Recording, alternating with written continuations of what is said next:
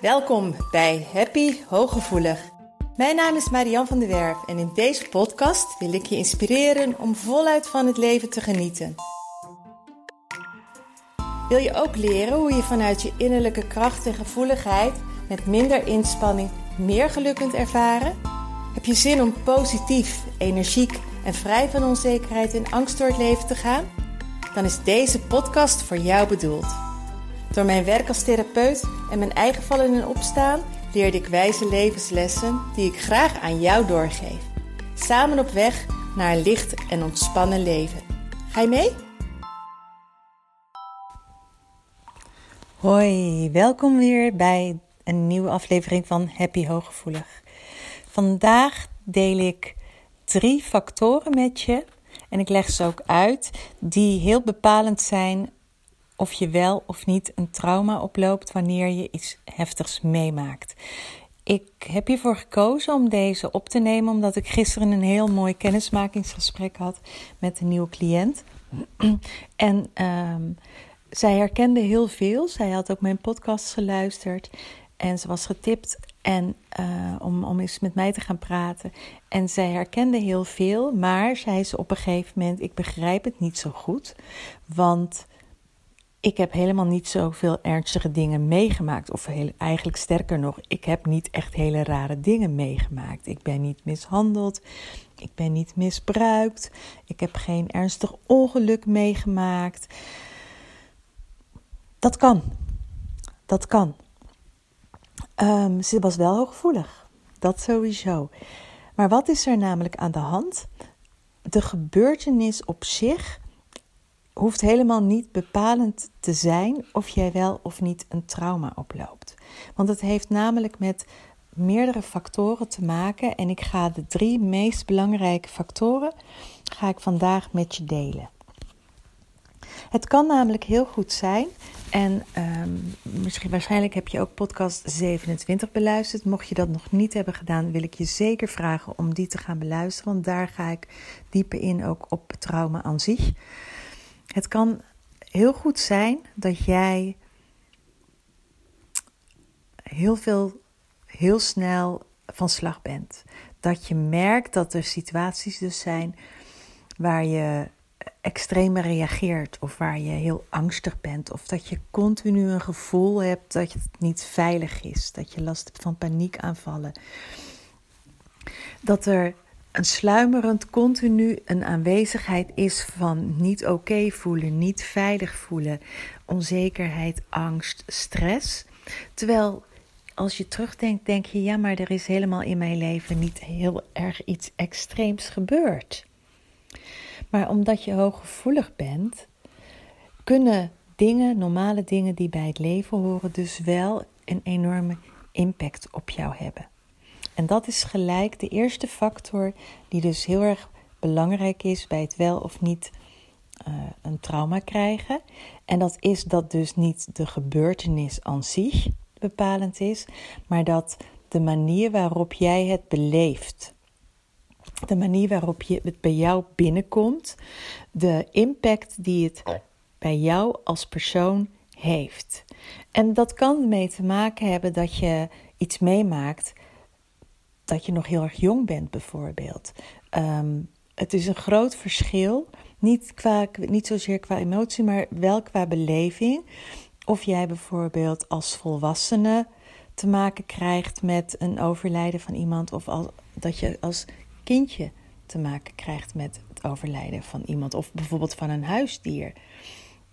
Dat kan al heel erg beangstigend zijn, bijvoorbeeld, of heel erg ingrijpend voor jou als kind. Dus de leeftijd heeft daar bijvoorbeeld al mee te maken, maar ook je hooggevoeligheid heeft daar mee te maken. En die factoren die kunnen dus ervoor zorgen dat het bij jou een enorme impact heeft. En bij bijvoorbeeld iemand die niet hooggevoelig of een andere leeftijd uh, is dat misschien helemaal niet, heeft het helemaal dezelfde gebeurtenis, helemaal niet zoveel invloed. Het is, heeft ook te maken met de manier waarop jij al ja, gewired bent, wat je al eerder bijvoorbeeld hebt meegemaakt. Is het een eerste keer dat je iets meemaakt? Of is er regelmatig zijn er factoren? Dus de frequentie die heeft ermee te maken van de, wat daarvoor al is gebeurd. Um, maak jij iets heel erg heftigs mee, bijvoorbeeld een burn-out of een, um, een overlijden of uh, een, een verlies, um, een afwijzing, dan is het heel afhankelijk hoe daarvoor je periode is geweest. Als het je hele prille jeugd, bijvoorbeeld de eerste acht jaar of eerste tien jaar van je leven, heel erg veilig zijn geweest. En dan is er een gebeurtenis die heel veel impact heeft. Zul je sneller herstellen omdat je weet hoe het is om veilig te voelen. Is je hele jeugd al onveilig geweest, dan is er al waarschijnlijk een verstoring in je autonome zenuwstelsel, maar je hebt ook nog niet kunnen ervaren hoe het is om daadwerkelijk helemaal veilig te zijn. Dus als er dan een heftige gebeurtenis nog eens bovenop komt, zal jouw systeem veel heftiger reageren, zal de impact voor jou als persoon veel groter zijn dan wanneer het veilig is geweest of wanneer het een niet hooggevoelig persoon misschien betreft. Dus het eerste wat heel erg bepalend is, is de manier waarop jij het als persoon beleeft, wat daar aan vooraf is gegaan, hoe je op dat moment bent hè, en hoe je op dat moment jouw um, systeem ook al functioneert, je autonome zenuwstelsel met name. Dat is de eerste.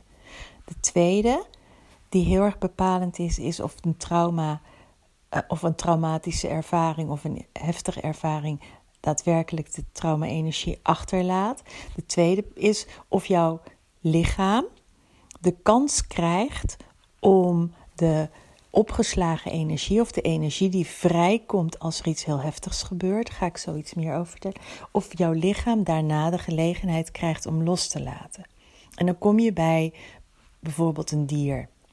Een dier wat in het nauw gedreven wordt, wat niet kan vechten, niet kan vluchten en een hele heftige gebeurtenis meemaakt, die uh, moet op een gegeven moment bevriest die of, of die moet opgeven. Maar dat lichaam en dat is ook bij jouw lichaam. Als er een heftige gebeurtenis gebeurt, dan gaat jouw lichaam zich klaarmaken om te vechten of om te vluchten. Dus er wordt adrenaline aangemaakt, je hartslag gaat omhoog, je uh, ademhaling, het bloed gaat naar de spieren, um, de connectie met je brein wordt tijdelijk afgesloten, bijna afgesloten, omdat het lichaam moet kunnen vechten of kunnen vluchten. En dus er gaat minder zuurstof naar je hersenen. En het helder denken, de ratio, de neocortex met name, die wordt tijdelijk uh, grotendeels uitgeschakeld. Dus er gebeurt onwijs veel in jouw systeem. En er komt ongelooflijk veel energie. Alsof jij de marathon moet gaan lopen. Een dier laat daarna los die gaat shaken, die gaat uh, trillen, um, een hele tijd uh, stuip trekken. En op een gegeven moment wordt het lichaam rustig. Dan ervaart het weer veiligheid. Dan kalmeert het systeem, het parasympathische zenuwstelsel neemt het weer over. En het wordt weer rustig.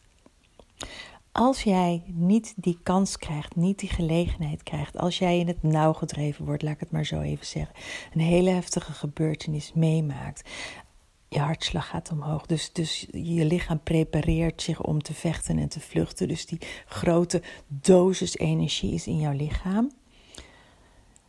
En daarna kan het niet loslaten. Dus je kunt er geen uiting aan geven. Dat je bijvoorbeeld. Ehm, er zijn heel veel mensen die ik spreek die zeiden: Ja, maar mijn emoties mochten er vroeger niet zijn. Ik mocht niet boos zijn of huilen was zwak. En dat zijn juist manieren om je emoties de vrije loop te laten. Door boos te zijn, door te gillen of een grote mond te geven of te huilen. Of uh, om je heen te slaan, bij wijze van spreken. Of weg te lopen of een deur dicht te slaan. Um, om, om, om om te trillen, om. Uh, ja, dat zie je kinderen wel eens doen, zo helemaal van streek enorm te huilen. Als je lichaam niet de kans heeft gekregen om dat eruit te laten, dat je, dan, ben je, dan is het naar binnen gekeerd en dan blijft die energie achter. En dat maakt dan dat het dus in je systeem blijft zitten. En dat maakt dan ook dat je lichaam iedere keer zo reageert op een moment dat ehm, er een, een, een vergelijkbare situatie is, of een herinnering, of, of je, want je cellen hebben een geheugen. Dat is de tweede factor die heel bepalend is. En de derde factor is of jij op een moment dat er een heftige gebeurtenis plaatsvindt, of jij steun hebt. Of jij mensen om je heen hebt, en of jij als kind, als er iets gebeurd is, volwassenen om je heen hebt, die jou helpen om die emoties te reguleren, om um, jou te troosten, om je op te vangen, om te zeggen dat het goed komt, om dus als het ware voor jou die veiligheid weer te creëren, waardoor jouw autonome zenuwstelsel zich weer veilig, seintje veilig weer kan afgeven. Vaak is het zo, helaas, dat ouders um, juist ook onderdeel kunnen zijn van de gebeurtenis. Bijvoorbeeld als het gaat om een afwijzing of als het gaat om negatieve bewoordingen of als het gaat om negeren, als het gaat om afwijzing, als het gaat om kritiek geven. En dat zijn een aantal voorbeelden die dus zeker bij hooggevoelige personen een trauma kunnen verzorgen, bezorgen, omdat je a klein bent, b omdat je de afwijzing krijgt van de mensen of de, of de of kritiek of de harde woorden of de nee of, of nou ja, soms ook dus de psychische of lichamelijke mishandeling, krijg je van de mensen die juist jou de veiligheid zouden moeten bieden. En die er juist voor jou zouden moeten zijn om die emoties te reguleren. Ik ga je een voorbeeld van mijzelf geven. Het komt ook in mijn boek te staan. Um, ik was op een gegeven moment een jaar of 13, denk ik, 14. En ik wilde heel graag naar een discotheek met mijn uh, vriendinnen. En ik, uh, ik mocht niet. En toen had ik gezegd: anders komen jullie mij ophalen. En dan mag ik misschien wel. Maar in plaats van dat ik dat dus voor elkaar kreeg, mijn vriendinnen kwamen me ophalen, werden mijn ouders enorm boos op me. En eh, hoe ik hen te kakken had kunnen zetten en dat ik dat had gedaan. En um, dat zij dan als de boeman afgespiegeld werden en hoe ik het in mijn hoofd haalde om dat te doen. Dus ik was eigenlijk al, ik had al een afkeuring gehad. En uh, op dat moment was ik enorm van streek. Ik zie me nog staan. Wij hadden een eenpandige garage. Ik zie mij nog staan en ik moest naar mijn kamer. Dat ik me zo eenzaam voelde en dat ik zo voelde er is iets mis met mij. Um, dat ik echt helemaal niet meer wist wat ik moest doen. En um, ik had dus eigenlijk steun nodig. Ik had hulp nodig. Ik had begeleiding nodig. Ik had iemand nodig die bevestigt: ja, Marjan, je bent oké. het is goed. Het komt wel goed. Het komt wel goed, schatje. Zoals bij de televisie. Maar dat was er niet. En dat is dus de derde factor die, gemaakt, die maakt dat dan een situatie als een trauma zich kan vastzetten in je systeem.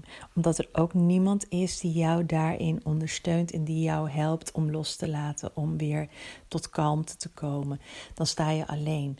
Je ziet het bijvoorbeeld ook ehm, in bepaalde landen, ehm, in, in waar, waar ehm, mensen op een hele goede manier met verlies en verdriet kunnen omgaan. Bij de shamanen bijvoorbeeld, maar je ziet het ook wel in Iran, Irak. Die landen op een moment dat er dan iemand sterft, dan huilen ze, dan jammeren ze, maar ze doen het collectief. Het is niet de gebeurtenis van een persoon, maar het is de gebeurtenis van de community. Ehm, als er iemand overlijdt en er is heel veel steun, hier bijvoorbeeld ook um, van een gemeenschap, van familie, van um, kerk, nou, noem het maar op, dan is, er, dan is het collectief en dan draag je het niet alleen. En dan kun je erover praten, je kunt het delen. En dan is het makkelijker om los te laten, te verwerken en om um, de, de, de gebeurtenis een plek te geven dan wanneer je helemaal alleen voor staat en wanneer dat zich helemaal naar binnen keert. Dus dat is de derde factor die heel bepalend is of jij wel of niet een trauma oploopt. Nou kan het natuurlijk zijn dat je dan nu zegt ook van ja, ik heb ook geen hele ingrijpende dingen gebeurd, maar ik merk toch dat ik in bepaalde situaties steeds op een hele extreme manier reageer of dat ik iedere keer toch dat gevoel van onveiligheid heb, dat ik angsten heb, dat ik paniekaanvallen heb, dat ik uh, enorm verdrietig kan zijn of altijd me een soort niet goed genoeg voel, niet welkom voel. Dan kan het dus zijn, als dan deze factoren ook nog eens meespelen, dat wel degelijk een uh, ingrijpende ervaring zich heeft vastgezet in je systeem. En um, blijf daar dan niet mee lopen. Ga daar dan hulp voor zoeken. Ga dan iemand die daarin thuis is, die ook jouw hooggevoeligheid erkent. En die, net als ik, ook weet dat het um, een trauma uh, kan ontstaan zonder dat het hele extreme situaties zijn die het veroorzaakt hebben. Wat misschien ook leuk is voor jou, al gaat dat niet specifiek over trauma, maar zeg je nou van, nou, dit spreekt me aan, ik wil Marianne eens beter leren kennen. Ik organiseer uh, vanaf 21 september zeven dagen lang de Voel je Vrij Week. Uh, hij gaat niet specifiek over trauma, maar het gaat wel over innerlijke vrijheid. Het gaat wel over stappen zetten uh, om bij jezelf veilig te zijn, om, jezelf, om naar je eigen behoeften te luisteren. Want dat is enorm belangrijk op het moment dat je een trauma hebt, dat je leert om naar je lichaam te gaan luisteren. Dat je leert om gehoor te geven aan je behoefte, om daar tegemoet te komen. Want dat je iets wat je vroeger niet kreeg, dat je leert om jou dat zelf wel te gaan geven. En innerlijke vrijheid gaat natuurlijk ook helemaal over dat jij de regie hebt, dat jij voor jezelf zorgt, dat jij uh, je, je hart volgt. Dus um, vind je dit leuk om daarbij te zijn? Meld je dan aan via zienswijs.nl slash je vrij. Hij staat op de website. Als je gewoon naar de homepage gaat bij zienswijs.nl, staat hij onder aanbod. Het is een hele gratis week. Je krijgt iedere dag een mail, een oefening, een naslagwerk. Um, vorig, begin dit jaar heb ik het gedaan. Het was een super mooie, waardevolle week. Dus ik nodig je van harte uit om daar ook bij te zijn, om je daarvoor in te schrijven. Het is dus geheel vrijblijvend. En wie weet, helpt het jou al om dichter bij jezelf te komen en om je wat lichter en vrijer te voelen. Dankjewel voor het luisteren. Ga, met, uh, ga, eens bij jezelf te raden hoe het bij jou in je verleden is geweest of in een recente situatie. En of die drie factoren een rol spelen of hebben gespeeld. Veel lieve groetjes van mij en dankjewel voor het luisteren. Dag! Dank dat je luisterde naar Happy Hooggevoelig. Heeft deze podcast je nieuwe inzichten gegeven? Je doet me een groot plezier met een recensie op Apple Podcast. Je kunt je natuurlijk ook abonneren op dit kanaal in jouw favoriete podcast-app. Want elke week staat er een nieuwe aflevering voor jou klaar. En wil je nu zelf aan de slag en meer lichtheid ervaren? En sta je open voor nieuwe inzichten en verandering? Neem dan vooral eens een kijkje op mijn website www.zienswijs.nl. Daar help ik je graag nog verder. Zie ik je daar?